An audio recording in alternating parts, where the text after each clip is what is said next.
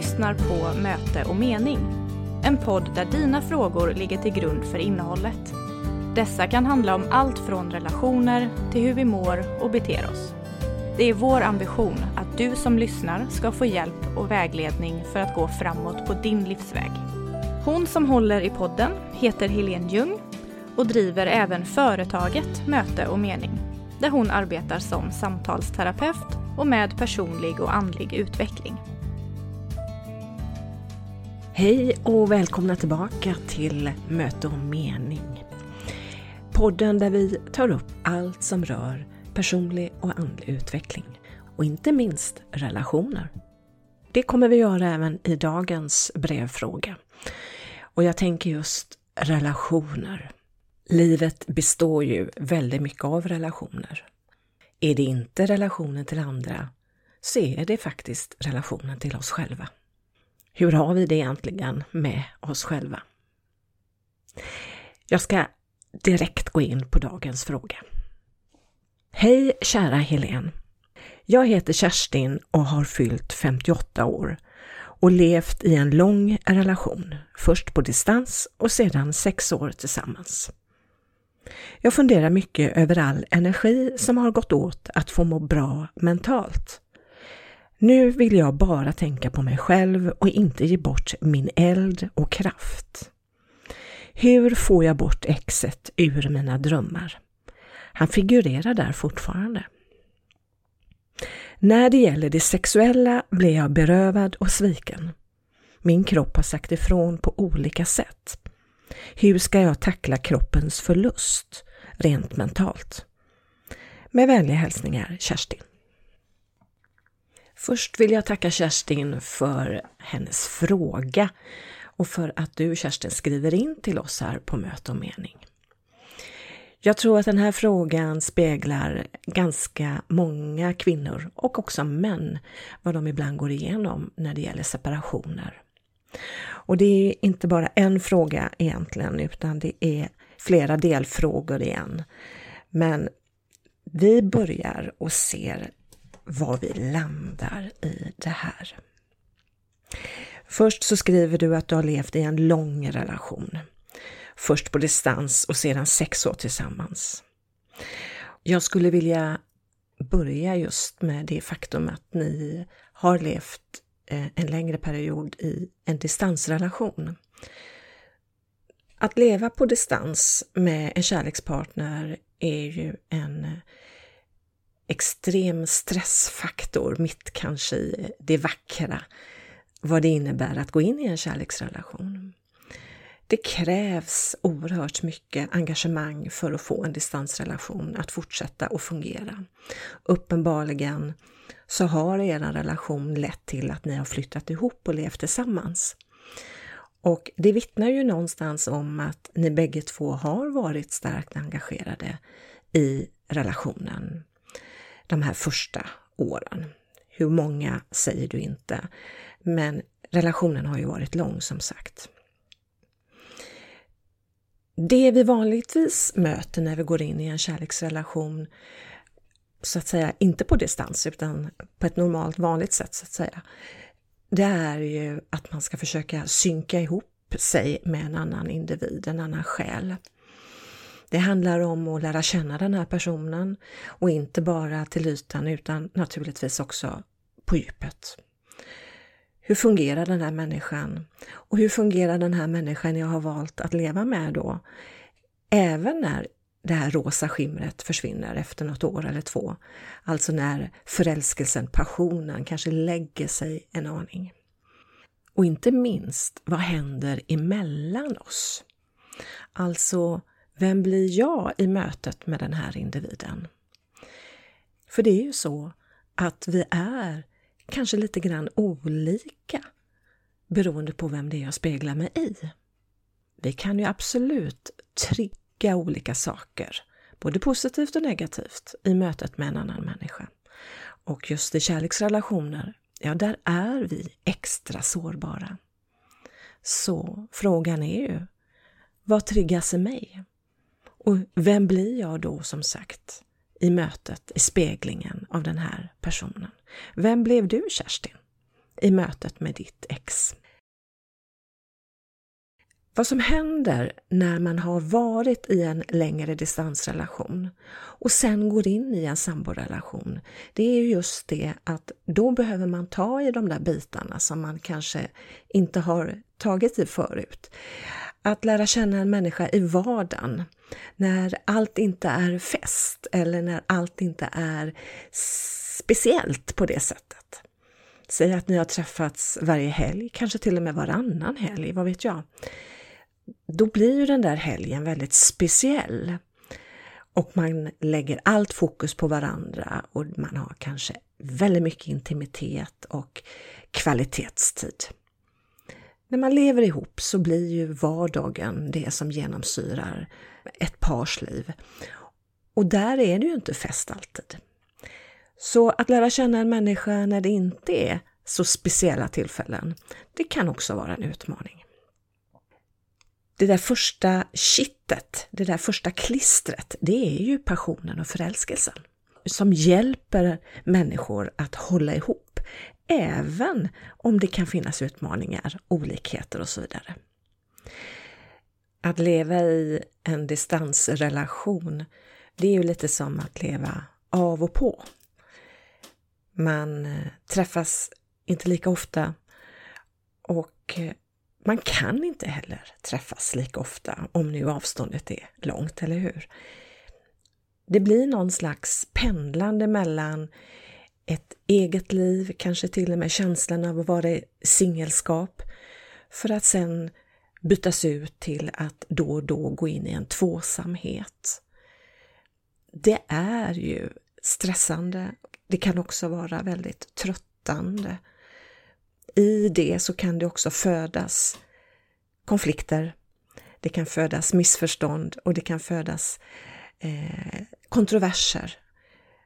Beroende på lite grann naturligtvis hur de här två individerna, hur du, tänker jag då Kerstin, och hur din, ditt ex, hur ni verkligen tänkte kring er situation. Det här tar man ju med sig sen in i samborelationen? Är det här saker som blir uppklarat? Eh, har man förtroende för varandra? Eller var det så att det fanns vissa bitar som bara låg där och skavde någonstans från distansrelationen? Mm, det här kan faktiskt vara mycket mer komplext än vad man först tror. Och det är ju någonstans en sak man behöver fundera på. Hur öppen och ärlig och tydlig och klar är man egentligen med vad man vill när man faktiskt träffar någon, kanske väldigt långt borta? Finns det andra faktorer som gör att man väljer hellre en distansrelation än en vanlig traditionell relation? Slipper jag engagera mig då? Ja, det är en fråga man kan ställa sig om man verkligen vill möta sig själv i det här, fråga och fundera kring vad är det som gör att jag stannar kvar i det här och vad är det jag egentligen vill med det här? Det här kan vara viktiga frågor att ha med sig in sen i ett samboskap. Och kanske, tänker jag för dig Kerstin nu, viktiga frågor att ställa dig själv med. Var du befinner dig just nu i relation till ditt förflutna. Sen skriver du, jag funderar mycket över all energi som har gått åt att få må bra mentalt. Uppenbarligen så är det så du har upplevt din relation. Och kanske också tiden efter då den här relationen. All energi som gått åt att få må, må bra. Och då funderar jag lite grann på vad är det du har varit i för situation som gör att du har gått in i en energiförlust? Det låter som att det kanske har varit ett kämpande, eh, en kraftansträngning. Och då undrar jag, har er relation varit jämlik? På det sättet att ni har bägge två lagt lika mycket energi i relationen. Det är ju det vi behöver göra för att den ska upplevas som harmonisk och att man inte ska gå in i en känsla av att man förlorar sin kraft och energi. Så det är väl frågeställningen där. Hur såg det egentligen ut? Och om det nu är så att du har lagt mer energi än din partner, vad beror det i så fall på?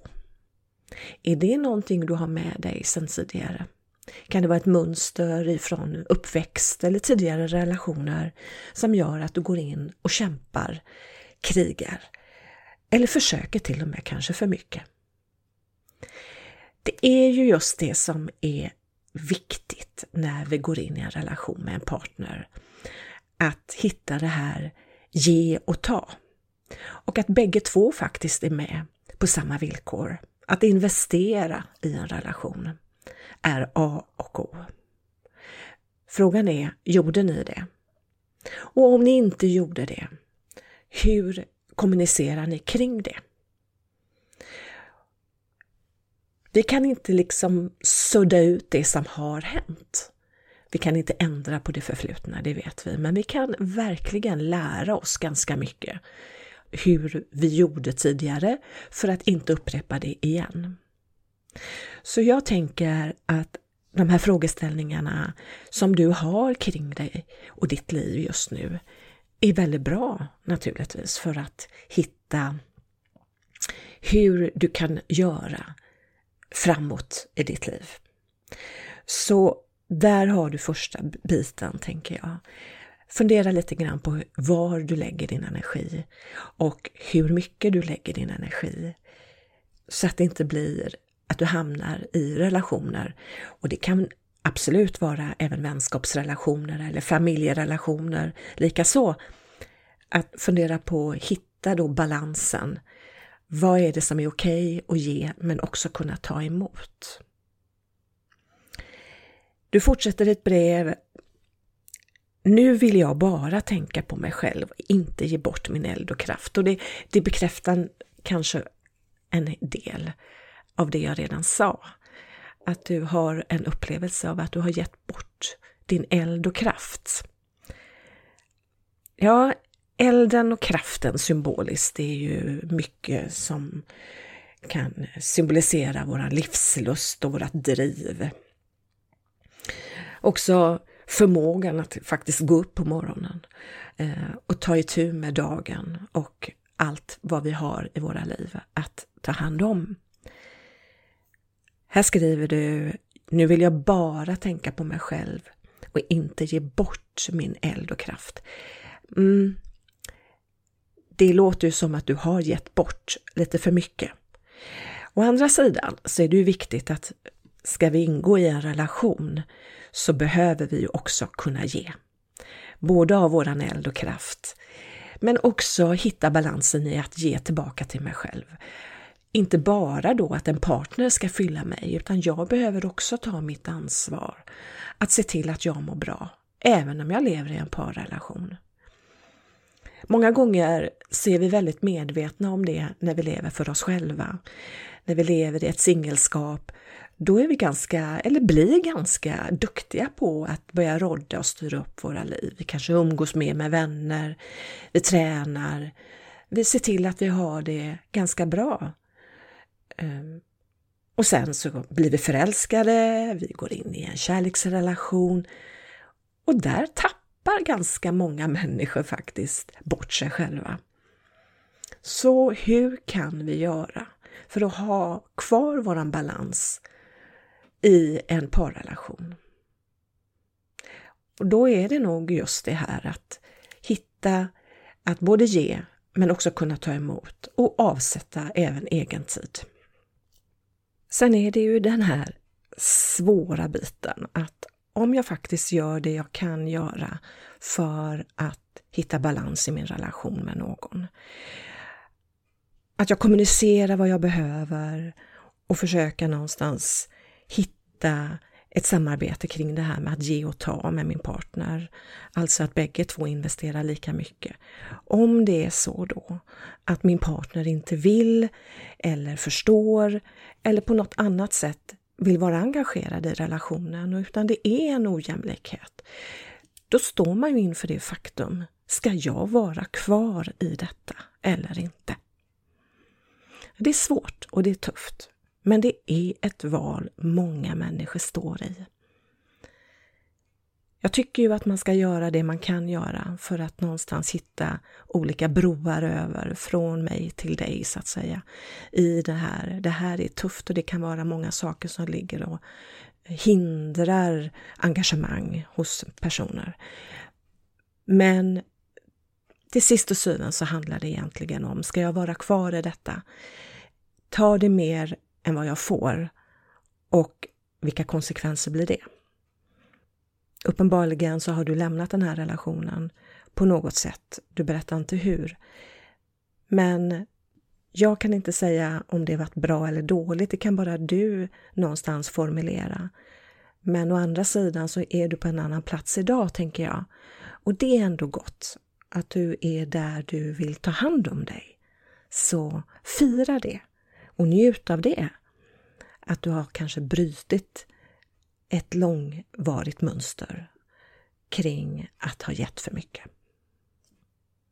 Sen går du vidare här Kerstin i hur får jag bort exet ur mina drömmar? Han figurerar där fortfarande. Ja, så är det nog för oss alla att vi använder drömmarna som en form av bearbetning. Men här får jag en känsla av att du tänker att han figurerar där. Jag tänker så här på ett lite annat sätt att om vi utgår ifrån att drömmarna pratar till oss genom symboler, bilder, så kanske det är så att det handlar inte så mycket om ditt ex, utan det handlar mer om dig Kerstin. Man brukar säga så när man jobba lite grann med drömmar och den symboliken att att det vi drömmer om är aspekter av oss själva. Så om du har den inställningen, kan du då se på ett annat sätt? Kan du då tolka dina drömmar på ett annat sätt? Om nu ditt ex är en aspekt av dig, så kanske drömmen får en helt annan betydelse. Att bearbeta en separation, kanske en många år gammal relation, det tar tid. Säg att man har levt med någon i 10, 15, 20, 25 år. Ja, naturligtvis blir vi extremt präglade av den personen. Vi har också vant oss och normaliserat den typen av liv som man har med den personen att på en ganska kort tid därefter eh, bryta upp och leva på ett helt nytt sätt. Ja, det är en utmaning. Det tar tid. Och det krävs ett känslomässigt och mentalt arbete. Jag tänker så här, att se drömmarna som en tillgång, som en möjlighet för dig att bearbeta. Och jag tänker också börja skriva ner dina drömmar. Och kanske till och med måla sina drömmar. Kan vara ett sätt att få fatt i vissa saker som man kan jobba med, absolut. Du vet väl om att du kan ställa din fråga till podden på Möte och Menings Instagram eller moteochmening.se. Sen fortsätter din fråga i När det gäller det sexuella blev jag berövad och sviken. Min kropp har sagt ifrån på olika sätt. Hur ska jag tackla kroppens förlust rent mentalt? När det kommer till det sexuella så är det ju så att det är en del av oss som är väldigt viktig. Att ha delat ett sexuellt liv med en person under många, många år, det gör ju någonting med oss. Vår kropp vänjer sig vid den andra kroppen. Ehm, och att bli då, som du skriver, berövad och sviken, så sker det ju någon form av sorgeprocess här. Så ett uppbrott har gett dig en form av besvikelse och kanske också en sorg då som jag tolkar det. Självklart säger kroppen ifrån. Vi bor ju i våra kroppar. Känslorna känner vi många gånger inte bara som en abstrakt upplevelse utan faktiskt också i våra kroppar. När vi har svårt att känna våra känslor eller av olika anledningar faktiskt stänger av våra känslor, vilket vi kan göra ibland när vi går i försvar eller inte orkar med oss själva, då har vi en tendens att sätta våra känslor i kroppen, som somatik. Nu skriver du inte på vilka sätt, du säger min kropp har sagt ifrån på olika sätt. Och jag tänker att det är inte alls konstigt. Här får jag ett behov av självomsorg till mig. Hur bra är du på att ta hand om dig själv? Vi behöver ju bli bättre på att ta hand om oss själva. Särskilt när du skriver tidigare att du har gett bort mycket av din eld och kraft, så kanske det har varit då en obalans i att ha en god självomsorg. Så jag tänker, om du kan och har möjlighet, att bättra på just den. Och när det gäller självomsorg, då tänker jag inte bara på att äta bra och sova och, och kanske träna eller hålla igång din kropp så. Utan här tänker jag någonstans att självomsorg det är att möta dina känslor. Att vara i dina känslor. De vill ju faktiskt att du ska lyssna på dem. De vill ju prata med dig.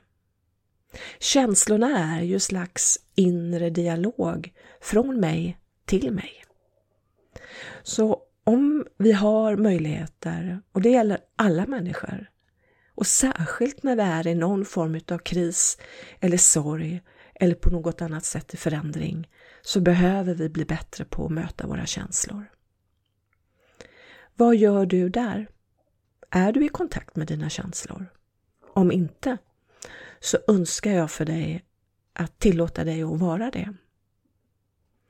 Ett sätt att komma i kontakt med våra känslor kan vara musik, kan vara bilder eller fotografier, kan vara att skriva. Så här finns det kanske lite grann ett arbete som behövs. Du drömmer mycket om ditt ex och kanske de bitarna på natten. Och det skvallrar ju lite grann om att det kan vara så att du passar på, eller din själ passar på, att bearbeta på natten det du inte bearbetar på dagen. Nej, vi har inte alltid möjligheter att vara i ständig känslomässig kontakt med oss själva på dagen. Vi har ju ett liv många gånger som pågår hela tiden och vi behöver vara i fokus och hantera livet som är under dagen. Men när tar vi hand om då de bitarna som faktiskt behöver omsorg? Det där gamla eller den där situationen som vi parallellt med vardagslivet ändå lever i. Jag tror att dagens människa och det jag möter egentligen på mitt arbete, det är att människor är väldigt dåligt i kontakt med sig själva. De skyndar på. Det är det där ekorrhjulet som hela tiden spinner och som till slut hjälper människan att nästan glömma av den där krisen jag hade eller den där sorgen som hände. Och det är synd. Därför att det här försvinner ju inte. Vi bara pausar det. Och ibland så dyker det upp i samband med att något ytterligare sker som gör att jag behöver ta hand om inte bara det som är i nuet utan också som pockar på det förflutna. Att det vill få en chans att komma upp till ytan igen. Att tackla den här förändringen som du säger, både den sexuella förändringen som är tuff, att vänja sig av vid sexuell intimitet. Nu berättar du inte hur ert sexliv eller ert känslomässiga liv såg ut, om det var ett pågående ända fram till uppbrottet eller inte. Det som är vanligast är ju ändå att människor som separerar har haft en period innan separationen med större distansering till varandra. Många slutar att ha sex. Många slutar även med all fysisk kontakt. och till och med man slutar med kommunikation och att dela med sig till sin partner. Allt för att någonstans dra tillbaka sina tentakler. Det gör ju många gånger att det är lättare att bryta upp och säga hej då. Jag vet inte hur det såg ut här, men om det var så att det inte var en längre period distansering, så att säga när, när vattnet sinade helt enkelt mer och mer, då är det ju jättetufft. Och så är det ju när människor blir berövade någon, antingen genom en olyckshändelse, död eller en, ett plötsligt uppbrott. Då blir det ju som en, ett trauma, en kris på det sättet, där kropp och själ inte riktigt hänger med. Ja, självomsorg, det låter pretentiöst på något sätt men här gäller det naturligtvis att börja titta på vad har jag för nätverk omkring mig? Har jag människor jag kan prata med, som jag kan krama, som kan finnas där och ta hand kanske om mig när jag inte orkar?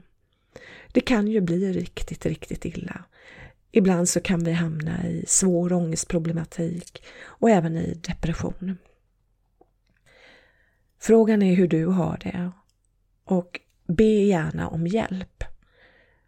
Öppna upp och förstå att du behöver inte tackla och sköta allting själv. Jag får en känsla av att det har varit lite grann så i din relation, där du har gett kanske mer än vad du har fått. Och nu säger du att nu vill jag bara tänka på mig själv. Ja, att tänka på sig själv att leva för sig själv är ju någonting vi egentligen alltid ska göra.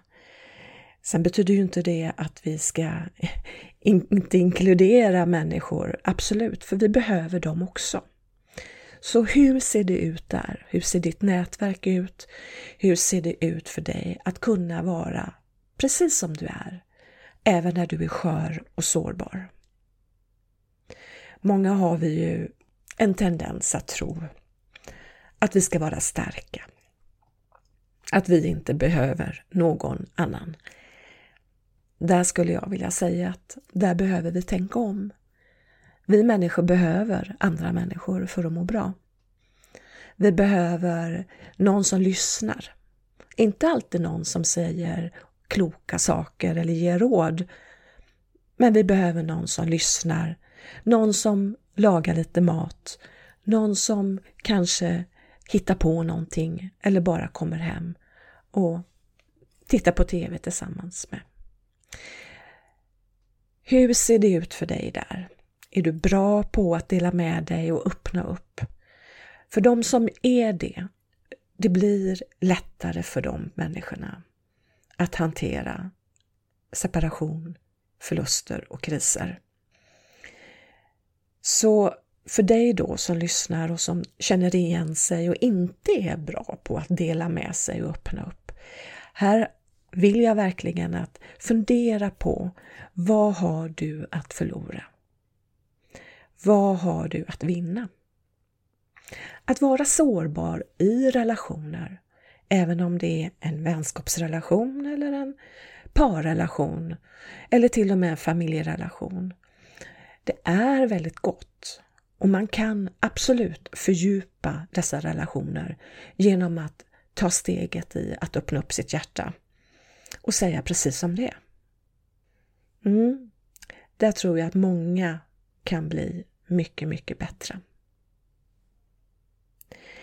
Så totalt sett här Kerstin, om vi ska någonstans sammanfatta den här delen, så är det att just nu ser det ut som och verkar som att du går igenom och håller fortfarande på att bearbeta den här separationen. Separation är ju en form av sorgeprocess. En sorg för att man har lämnat någon eller blivit lämnad av någon som man älskat och som man har haft ett intimt vardagsliv lika väl som ett, ett kärleksliv. Självklart reagerar man på det. Det vore väldigt konstigt annars.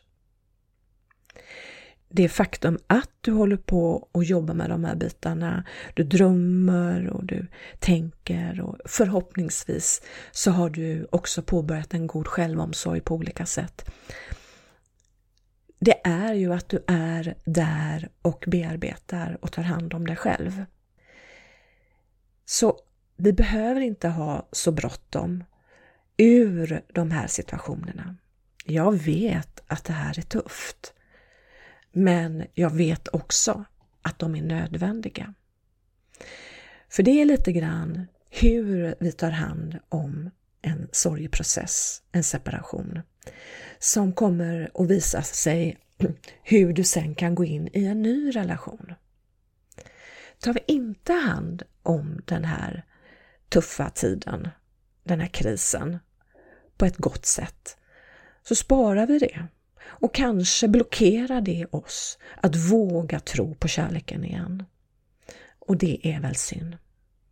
Tänk vad mycket fantastiskt det finns där fortfarande och väntar på dig Kerstin. Och med den lärdom som du skapar och, och hittar nu i och med det här kommer du kunna använda det framåt i en ny positiv, fantastisk relation, tänker jag. Det viktigaste är någonstans att hitta balansen och förstå att du, precis som alla andra, är värd det bästa. Att ha det bra. Att vara öppen och våga vara sårbar med en partner är A och O. Och när jag inte får tillbaka förtroendet som att vara sårbar egentligen innebär att man delar med, ja, då, då blir det inte den där balansen som jag pratade om. Det blir inte den här jämlikheten, att man ger och tar på samma villkor. Jag önskar dig verkligen lycka till framåt. Och förstå att den här tiden som du är i just nu är väldigt värdefull, väldigt viktig och sätter också agendan för din framtid. Om du klarar detta, ja då klarar du vad som helst, eller hur?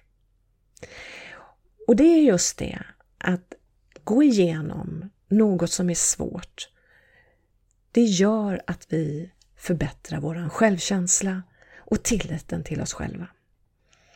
Att gå igenom en kris bygger faktiskt en inre trygghet hos oss. För när du tar hand om dig, då kan du vara lugn. Att sätta gränser ingår också i det här med självomsorg naturligtvis.